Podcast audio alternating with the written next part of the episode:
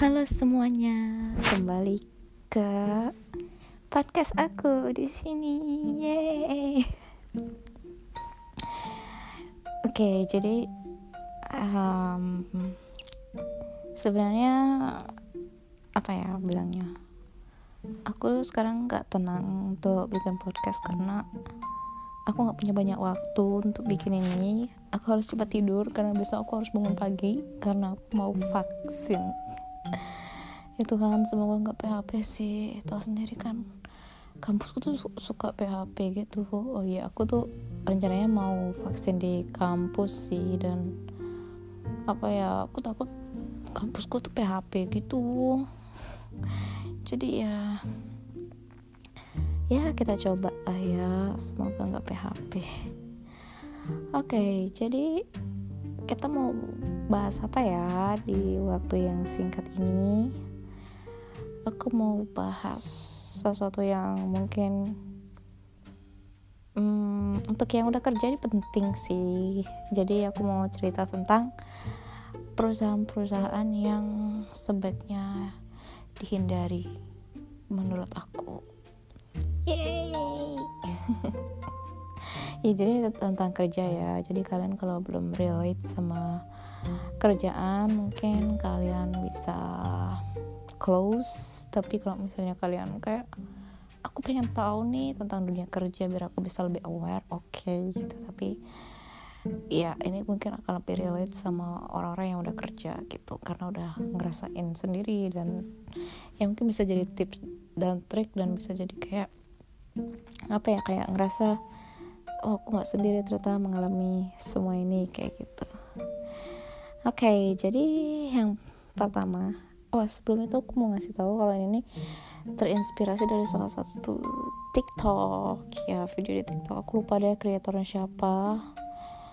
Tapi aku ngerasa kayak semua yang dibilang dia tuh akurat gitu. Jadi kita mulai. Yang pertama adalah yang pertama adalah aku bingung sendiri kan mau pilih yang mana sebagai yang pertama. Oke okay, jadi gajinya kecil. Untuk fresh graduate dengan iming-iming akan belajar banyak di perusahaan itu gitu. Jadi ya gitulah. Jadi dia tuh kayak iming-iming kayak uh, tapi gajimu nih underpaid ya. Tapi kamu bisa belajar banyak di perusahaan ini gitu. Biasanya perusahaan kayak gitu uh, itu startup dan itu tuh bener-bener kayak apa ya kayak dikit banget gitu loh dapatnya.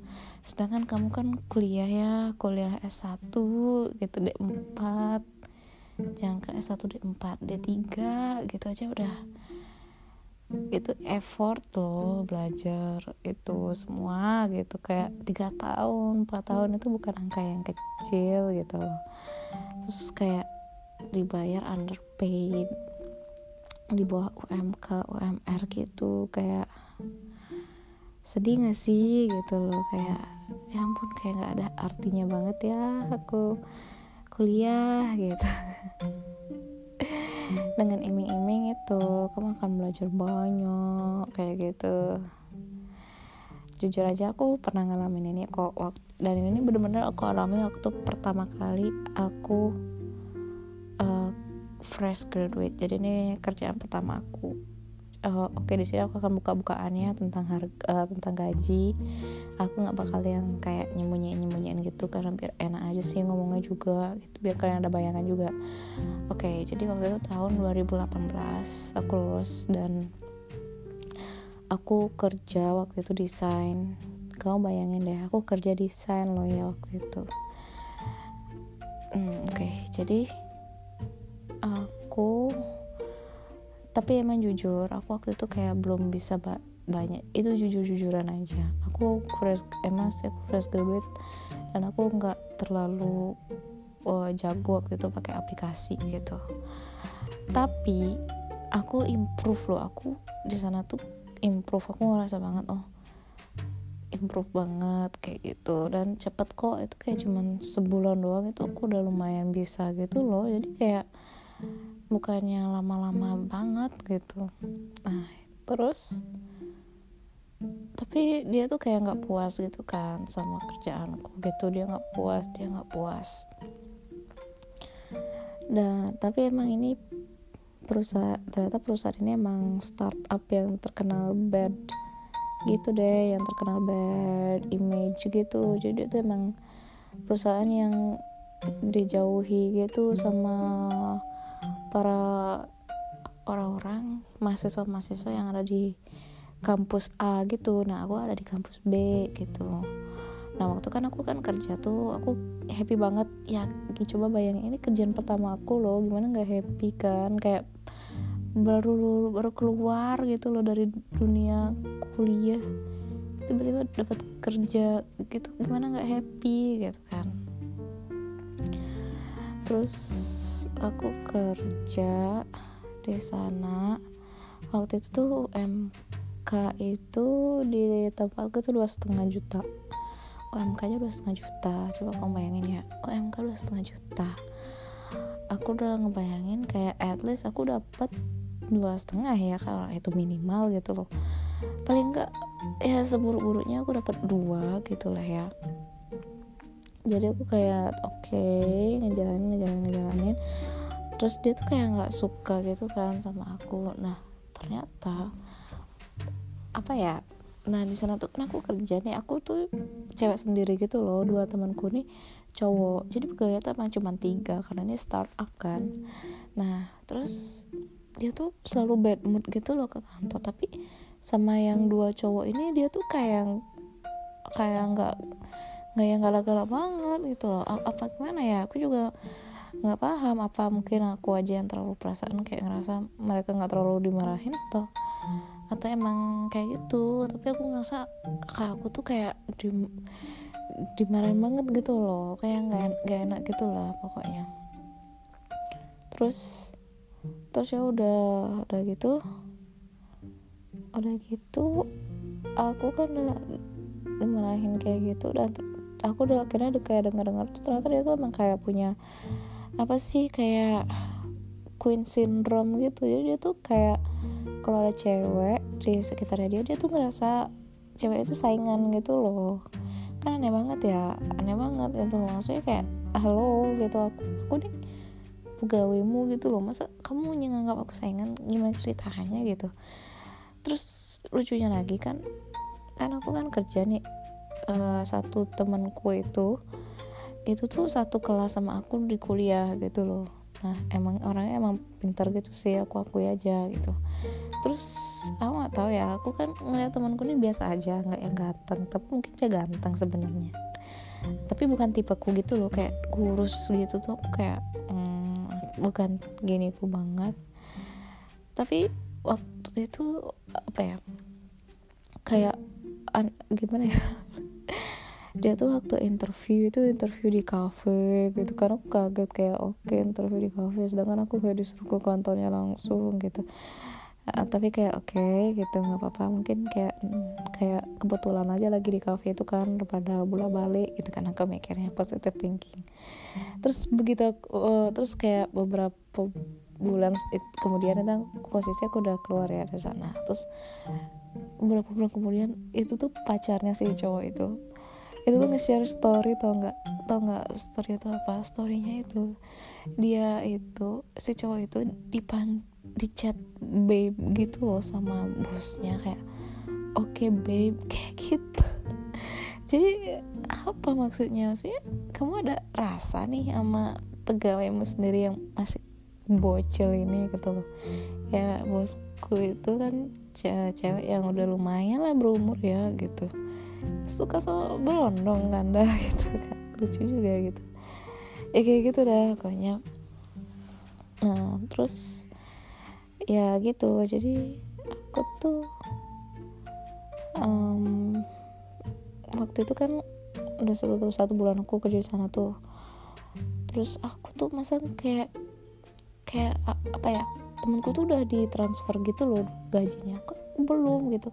Maksudnya nih apa gitu loh. Maksudnya aku mau nggak digaji gitu kerja di sini ya bener aja lu gitu. Kayak aku kerja di sini emang sih fresh graduate aku aku aku fresh graduate dan aku perlu banyak belajar. Itu beneran itu beneran. Oke aku aku itu gitu loh maksudku. Kayak ya aku aku mau aku aku rela aku kayak digaji underpaid gitu. Tapi masa nggak digaji? Masa nggak sama sekali? Itu kan nggak benar gitu loh kan oh ya perlu masih perlu duit lah gitu. Masa nggak sama sekali sih? Kayak gitu loh. Terus udah gitu udah gitu kayak aku tuh disuruh ngechat ngechat gitu loh sama seniorku di sana. Kayak coba kamu chat ibunya deh gitu. Tanyain gajimu gimana. Ya maksudnya kan gimana nggak gimana sih kamu pegawai nih. Disuruh ngechat ngechat nge-spam nge-spam gitu nanyain gaji. Coba eh gimana gak sih perasaanmu tuh? Eh kayak aneh banget gitu loh. Masa sih kamu gini loh istilahnya kamu sama pegawai itu pegawaimu tuh kamu minta kerjaannya tuh biar cepet cepet cepet on time on time on time. Kamu tuh sampai marah-marah pegawaimu kamu bilang pegawaimu tuh lambat lah apalah apalah kamu marah-marah bla bla bla bla tapi kamu gajinya telat gitu loh. Gimana ya? Gimana ya? Coba kamu mikir kayak gitu. Be begitu kamu penting kamu kamu kejar pegawaimu kamu kamu minta cepat cepat cepat cepat. Harus tepat waktu harus tepat waktu. Di saat ke kebalikannya di saat kamu yang berkewajiban sama pegawai kamu nggak nggak gini nggak tepat waktu gitu loh. Kamu malah yang nggak tepat waktu padahal dulunya kamu yang nyuruh nyuruh dia tepat waktu. Kayak gitu loh istilahnya. Gimana ya aku tuh bukan kita semua itu bukan anak SD lagi gitu loh. Kita waktu SD tuh ditipu kayak gitu kan sama guru kayak disuruh rajin disuruh gak terlambat sekolah gak terlambat masuk kelas. Tapi gurumu sendiri terlambat gurumu sendiri males bolos gitu loh. Dulu kan kita kayak nggak tahu dan bodoh ah, nggak tahu dan kita tetap hormat gitu loh sama guru kita walaupun kayak gitu keadaannya. Tapi ini kan kita posisi udah besar. S1 coy. Udah bisa mikir otaknya udah bisa dipakai mikir gitu masa kayak gitu sih gitu kan? Masa kayak gitu gitu. Terus kamu masih nganggap kita tuh bakalan tetap mikir kalau kamu tuh orang yang kompeten gitu di bidangnya gitu kan? Enggak gitu. Nah ada itu akhirnya malam itu dia datang. Akhirnya dia datang dan kayak ngomongin gaji gitu kan. Nah nah itu ya udah dia tuh bilang kamu ini kan di sini masih belajar gitu. Kamu ini di sini masih belajar kamu kan kemarin belum terlalu banyak bisa tuh. Gitu. kok pengen belajar di sini kan? Sendiri gitu kan aku nggak banget. Kok pengen belajar kan di sini kan? Gitu. Terus oke okay, kalau itu bu untuk bulan ini kamu aku kasih satu setengah dulu ya gitu bulan depan kalau kamu ada peningkatan baru aku akan kasih kamu 2 juta gitu. Baru nanti akan naik naik naik gitu. Aku tuh kayak waktu itu kayak oh my gosh nggak bener sih ini gitu. Kayak oke okay, ini nggak bener sih. Maksudku apa ya aku tuh underpaid itu nggak segitunya kok nggak segitunya sih. Bahkan menurutku ya menurutku walaupun pegawai itu masih belajar ya. Menurutku nih. Menurutku walaupun pegawai itu masih belajar ya kasih aja dia gaji yang proper gitu loh. Kan itu jadi motivasinya dia buat belajar. Istilahnya perusahaan itu kan apa ya kayak invest lah gitu loh. Invest lah untuk pegawaimu tuh belajar gitu. Ya udah kamu kasih aja gaji yang proper. Jadi dia tuh kayak akan awet gitu kerja di tempatmu dan semangat juga kayak aku digaji gak dikasih gaji segini loh gitu. Dan ini cukup banget buat aku hidup. Aku harus kerja lebih aku harus bisa lah. Maksudnya kayak aku harus bertahan di perusahaan ini dan aku harus berkembang kayak gitu. Saya kayak gitu gitu. Ya walaupun aku tahu nggak semua perusahaan bisa kayak gitu tapi at least jangan terlalu jauh juga kali underpaidnya ya nggak sih? Kayak gitu banget gitu. Ya udah kayak gitu. Terus aku akhirnya memutuskan untuk keluar gitu. Gitu deh. Jadi kayak hmm, ya nggak bisa kayak gitu sih menurutku. Jadi ya jangan mana ya jangan mau dibayar underpaid lah intinya kayak gitu. Aku paling nggak mau udah dibayar underpaid mending aku nyari kerjaan yang lain aja kayak gitu. Walaupun dia kayak iming-iming bilang kok bakalan belajar kok kok bakal gini. Mendingan kayak oke okay, kalau kamu pengangguran dan kamu tuh takut banget ya kayak misalnya kayak ya mau akhirnya keterima di A gitu. Ya udah kamu gini aja masuk aja ke sana nggak apa-apa tapi di belakang kamu tetap cari lagi gitu. Cari lagi masuk masukin aja lagi lamaran gitu. It's okay kok gitu. Nanti kalau misalnya untuk apa misalnya ada jadwal interview kan kok bisa izin pas makan siang. Biasanya sih interview tuh ada yang setelah makan siang ada yang sebelum makan siang gitu sih biasanya. Jadi ada yang pagi juga sih. Jadi atur atur aja. Misalnya misalnya izin kayak bilangnya gitu. Izin terlambat karena saya harus apa kayak ngantar adik saya kayak apa kayak gitu. Ya kayak gitulah alasan-alasannya. Apalagi biasanya perusahaan yang masih ngasih gaji kecil kayak gitu nggak susah kok nyari tel cutinya atau nyari telatnya gitu. Oke biar nggak panjang kita langsung yang kedua ya. Jadi yang kedua itu adalah eh apa ya? Aku lupa nih kebanyakan ngomong. Pertama kan nggak boleh gaji, gaji kecil yang kedua itu. Menurutku adalah waktu yang fleksibel. Yes. Jadi kalian tuh jangan gimana ya? Bukan jangan. Maksudku kalian berhati-hatilah ketika ada perusahaan yang bilang kayak gini di sini tuh kita fleksibel waktunya. Kamu bisa datang kapan aja bisa pulang kapan aja.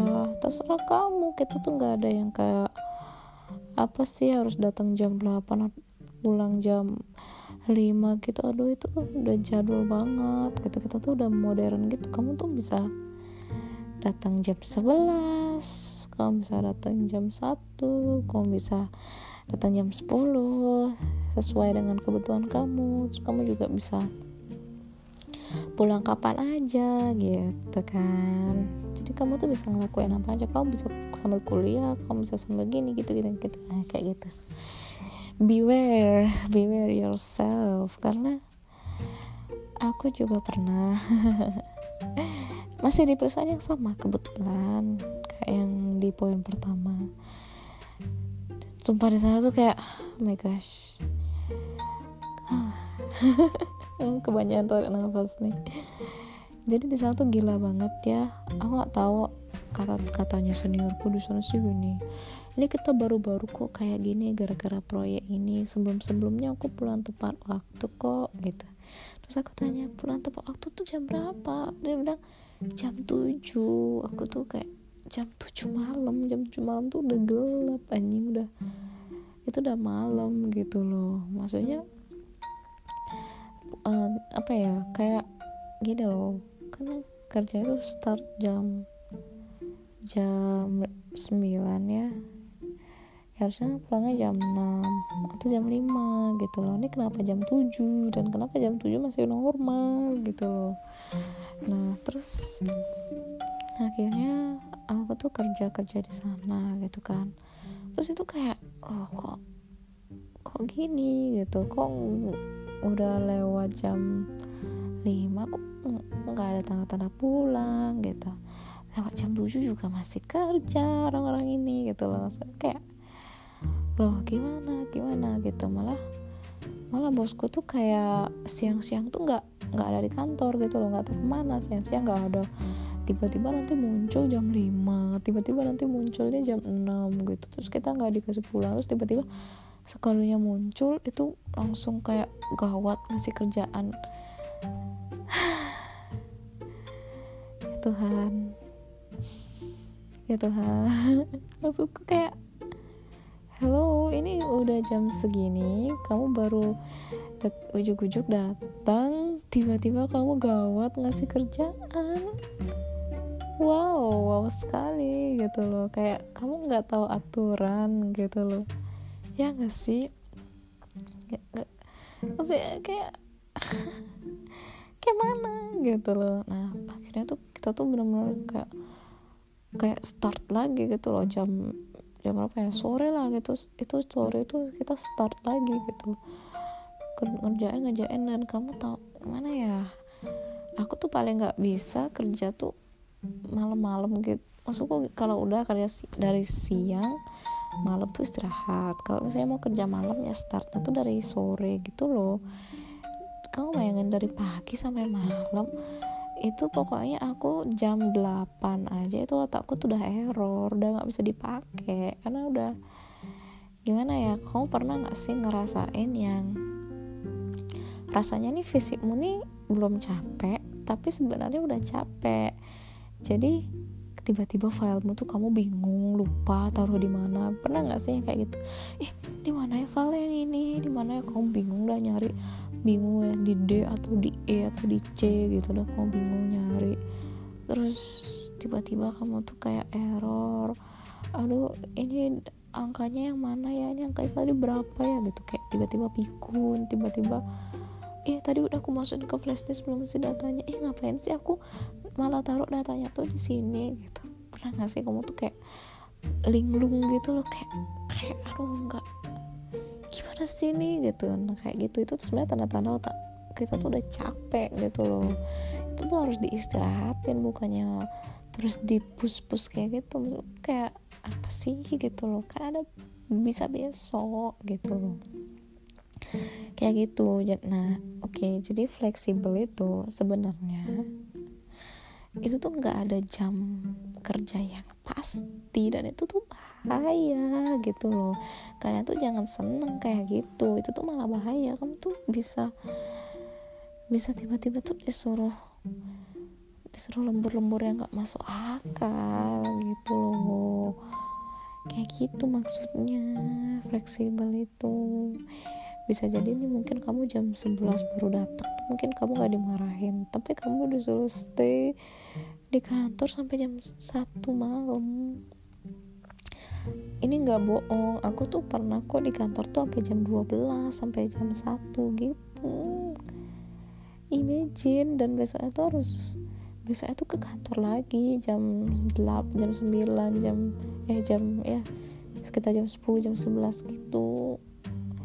Kamu tuh kayak kayak apa ya istilahnya kantor itu bukan tempat favoritku gitu.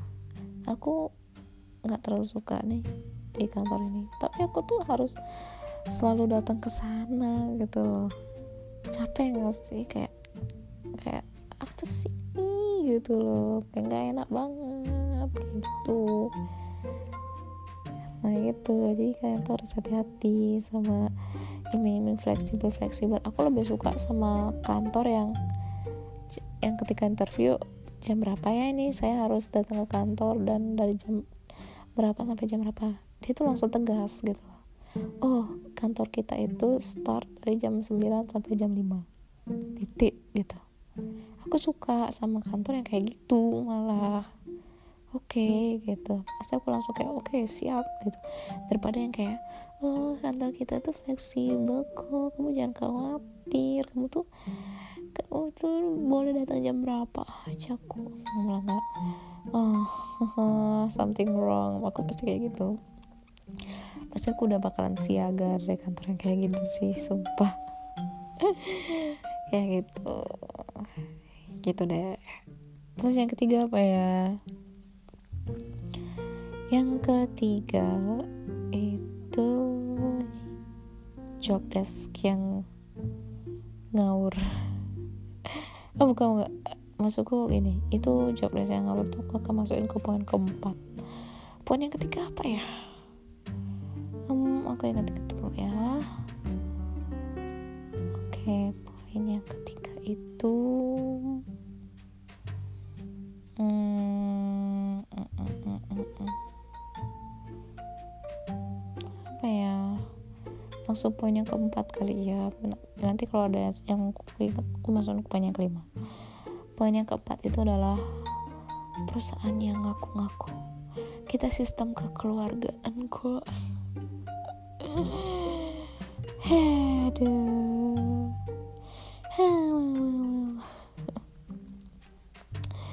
ini adalah the best of the best. Sebenarnya ini ultimatum sih apa ini yang mungkin yang terakhir poin yang terakhir ya? Sampai empat doang kali ya poinnya. Entahlah. Ya oke okay, sampai empat. Nanti kalau ada kelanjutannya mungkin aku akan bikin lagi. Oke okay, poin yang keempat yang terakhir adalah perusahaan yang memakai sistem kekeluargaan gitu. Aduh kalau ada si perusahaannya kayak gitu ya aku langsung keluar dari perusahaan itu. Sumpah beneran jadi gini mungkin kamu sebagai fresh graduate denger yang kayak sistem kekeluargaan kok di sini kayak gitu. Kamu mungkin akan senang lega kamu akan expect oh kekeluargaan gak terlalu dimarah dong. Oh kekeluargaan. Berarti minta izinnya gampang dong gitu. Oh kekeluargaan berarti nanti kalau ada hari raya itu bisa bisa minta cuti dengan gampang dong gitu kan. Atau nggak ada keluarga yang sakit bisa minta cuti kayak gitu kan. Hmm, kamu tertipu sayangku karena kekeluargaan di sini dimaksud adalah mereka tidak perlu berpacu pada yang namanya undang-undang ketenaga kerjaan. Yes, betul sekali. Jadi kita sebagai pegawai yang bekerja di Indonesia, kita itu diatur dan dilindungi oleh undang-undang ketenaga kerjaan jadi sebenarnya sebenarnya tuh gimana ya negara tuh menjamin kita gitu loh. Jadi kita tuh sebenarnya nggak bisa diperlakukan semena-mena sama perusahaan. Dan kita juga pokoknya kita tuh kerja itu itu udah ada hukumnya udah ada undang-undangnya jam-jam kerja kita itu udah ada undang-undangnya. Berapa kali kita kerja seminggu tuh udah diatur juga. Terus gaji kita minimal berapa itu juga udah diatur.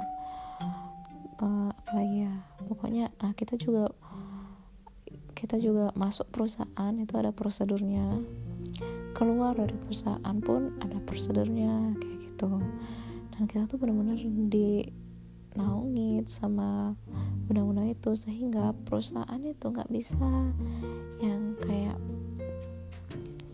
apa ya bilangnya yang kayak memutus kerja tiba-tiba mecat tiba-tiba tanpa alasan yang ben yang jelas apa ya terus kayak um, ya banyak banyak hal sih. Jadi kayak kayak sebenarnya kita begitu masuk kerja itu kita udah dapet kontrak kerja gitu. Dan itu tuh semuanya tuh jelas gitu loh.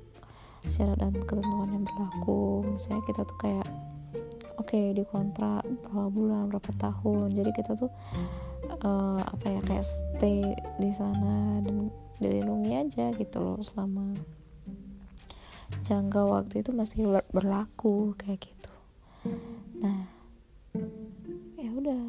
Ya uh, banyak perusahaan yang nggak mau um, mengikuti itu gitu loh. Mungkin karena mereka ya mereka jadi nggak bisa semena-mena itu gampangnya. Jadi mereka nggak bisa yang kayak ngasih kerjaan di luar job desk gitu kan. Kalau misalnya ngikutin itu terus nggak bisa yang kayak ah udah nggak bagus nih pegawainya. Duh kesel aku nih sama pegawai ini. Dia jalan gini nggak bisa dia jalan gitu nggak bisa. Terus kayak aku juga nggak bisa ngajarinnya udahlah pecat aja gitu. Itu juga ya bos bisa lah ngelakuin itu jadinya gitu. Dan ya banyak banyak lagi gitu loh. Nah eh, yang aku pernah alami ya itu. Jadi perusahaan yang ada salah satu pegawainya tuh yang kayak disuruh-suruh beli beli beli beli hal yang di luar di luar kantor gitu kayak disuruh ke warung beli makan gitu disuruh ke warung beli gini beli gitu gitu terus disuruh bayar air disuruh bayar listrik kayak what the fuck gitu loh kayak aku jadi kayak operasional gitu gitu loh maksudnya kayak kok ngerang ngerangkapnya tuh parah banget gitu loh. Kadang disuruh nganterin anaknya ke sini terus disuruh ngasih makan kucingnya terus kayak disuruh ngambil laptop istrinya kayak kayak gitu loh. Kerja-kerjaan kayak kayak gitu. Jadi kamu pegawai sekaligus pembantu gitu loh. Pegawai sekaligus sekaligus pesuruh gitu loh. Ngerti nggak ya? Kayak kayak gitu loh bahayanya yang based on family gitu. Jadi kalian tuh harus hati-hati aku tuh paling gak nyaranin deh maksudnya dari keempat ke semuanya itu aku paling gak nyaranin yang ini yang based on keluarga keluarga fuck lain ini karena kamu tuh bukan keluarganya dia anjir. Dia tuh orang asing gitu loh. Itu jangan mau disuruh-suruh yang nggak jelas kayak gitu kayak gitu, gitu loh. Terus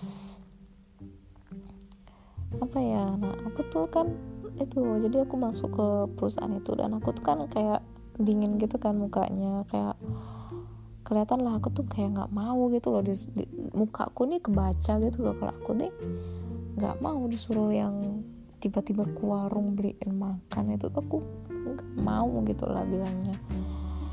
Jadi apa ya jadi kan makin lama makin lama aku kerja sana ya waktu itu aku kerja sana tuh kayak 8 bulanan gitu loh.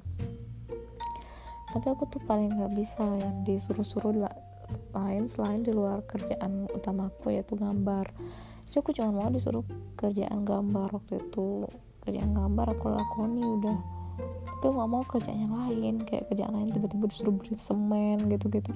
Itu aku gak mau jujur gitu loh. Itu kan kerjaan logistik bukan kerjaan gue kayak gitu tapi ada nih salah satu pegawai cowok yang sangat dibanggakannya itu itu ngerjain itu gitu loh. Jadi beli beli skrup beli paku gitu ngubungin vendor kayak kayak gitu gitu loh.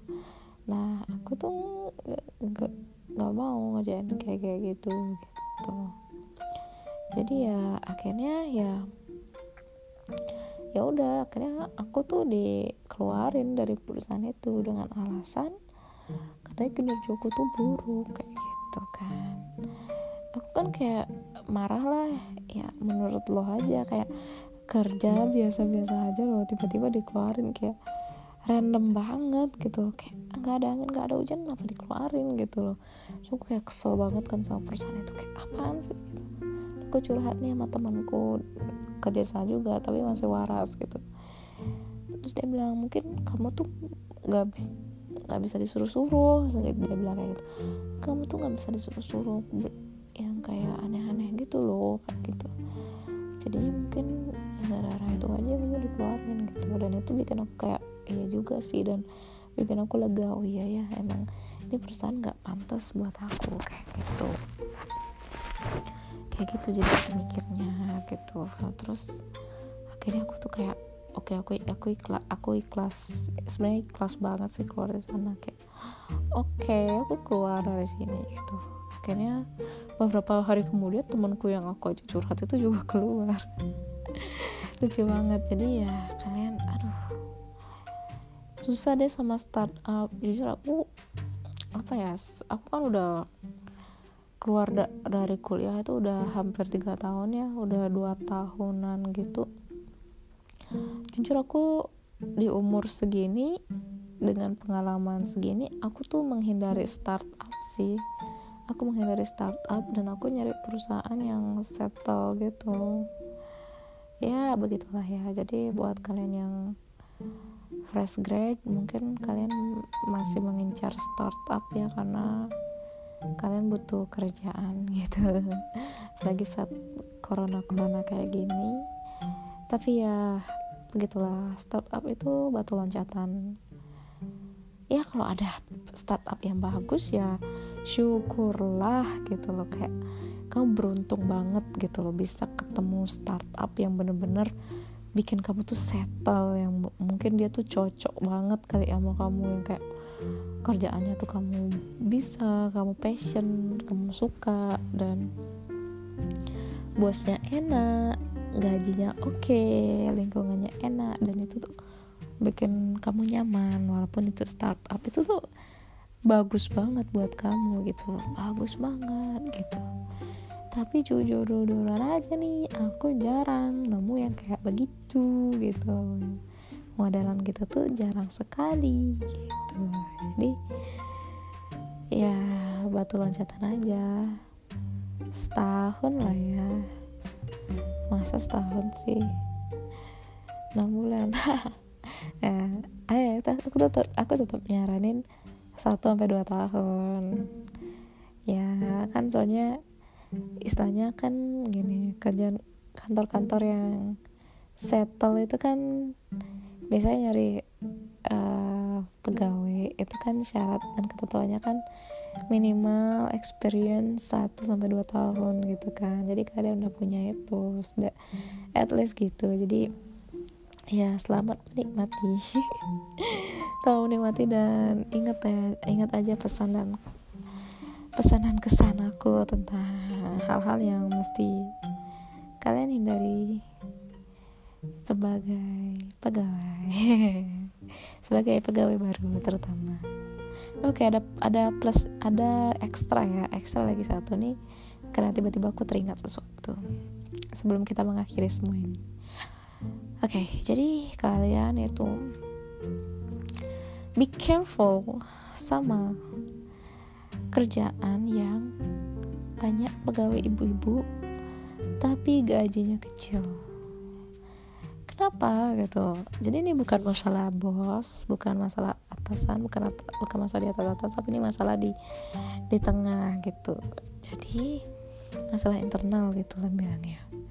Jadi kalau misalnya nih kamu masih muda gitu kan masih fresh graduate HPmu dibeliin sama orang tua iPhone kamu bawa motor yang proper ke tempat kerja? Mobil mungkin bahkan gitu kan kelihatannya nih kayak oke okay, keren nih gitu kan ke kantor kan kayak baru fresh graduate. Tapi kok necis gitu kan. Sedangkan di kantormu itu gajinya masih kecil mungkin UMR dan kok banyak orang tua ya di sini gitu. Kamu kayak kebingungan gitu kan loh. Banyak orang tuanya ya di sini banyak ibu-ibunya gitu um, kenapa ya? Mungkin di sini bagus kali ya kantornya. Makanya banyak ada ibu-ibu kerja di sini gitu kan akhirnya baru aja tiga dua minggu kerja di sana ya kan. Tiba-tiba ada ibu-ibu yang nyamperin kamu. Sok kenal sok akrab tiba-tiba nah ngomongnya gini bisik-bisik. Jangan bisik-bisik chat kali ya. Gini bilangnya gini. Oh anak saya ini loh. Mau bayar SPP untuk untuk ini di sekolahnya 500 ribu. Tapi aku tuh lagi nggak ada uang. Suamiku tuh lagi di ini loh lagi di Surabaya gitu. Belum bisa ngasih uang gitu masih di Surabaya. Kamu kan masih muda nih masih belum ada tanggungan. Boleh nggak minjem uangnya dulu 500 ribu? Kasihan lu anakku nih udah ditagi-tagi di sekolahnya disuruh bayar SPP 500 ribu aja.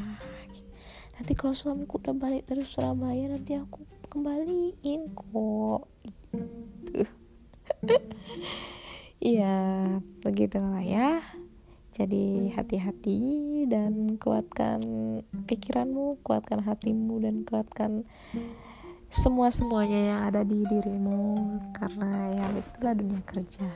Dunia ingat ya dunia kerja itu tidak ada yang ngelindungin kamu kecuali dirimu sendiri. Nggak ada yang mau berjuang buat kamu kecuali dirimu sendiri. Kalau kampus kau masih punya dosen yang bisa mungkin bisa nge-backup eh istilahnya bukan nge-backup istilahnya kayak ngelindungin kamu lah dari tekanan masyarakat. Di rumah kamu punya orang tua tapi di tempat kerja kamu hanyalah sendiri. Kecuali kamu punya orang dalam. Tapi nggak mungkin karena kita semua adalah rakyat jelata. Jadi ya kita harus berjuang sendiri dengan kaki kita sendiri dan yes. Kuat yuk kuat yuk kuat yuk oke ini udah jam jam satu gila. Aku besok harus bangun pagi oh my gosh. Oke jadi ya sampai sini aja dulu podcast dari aku. Tunggu podcast podcast selanjutnya. Bye bye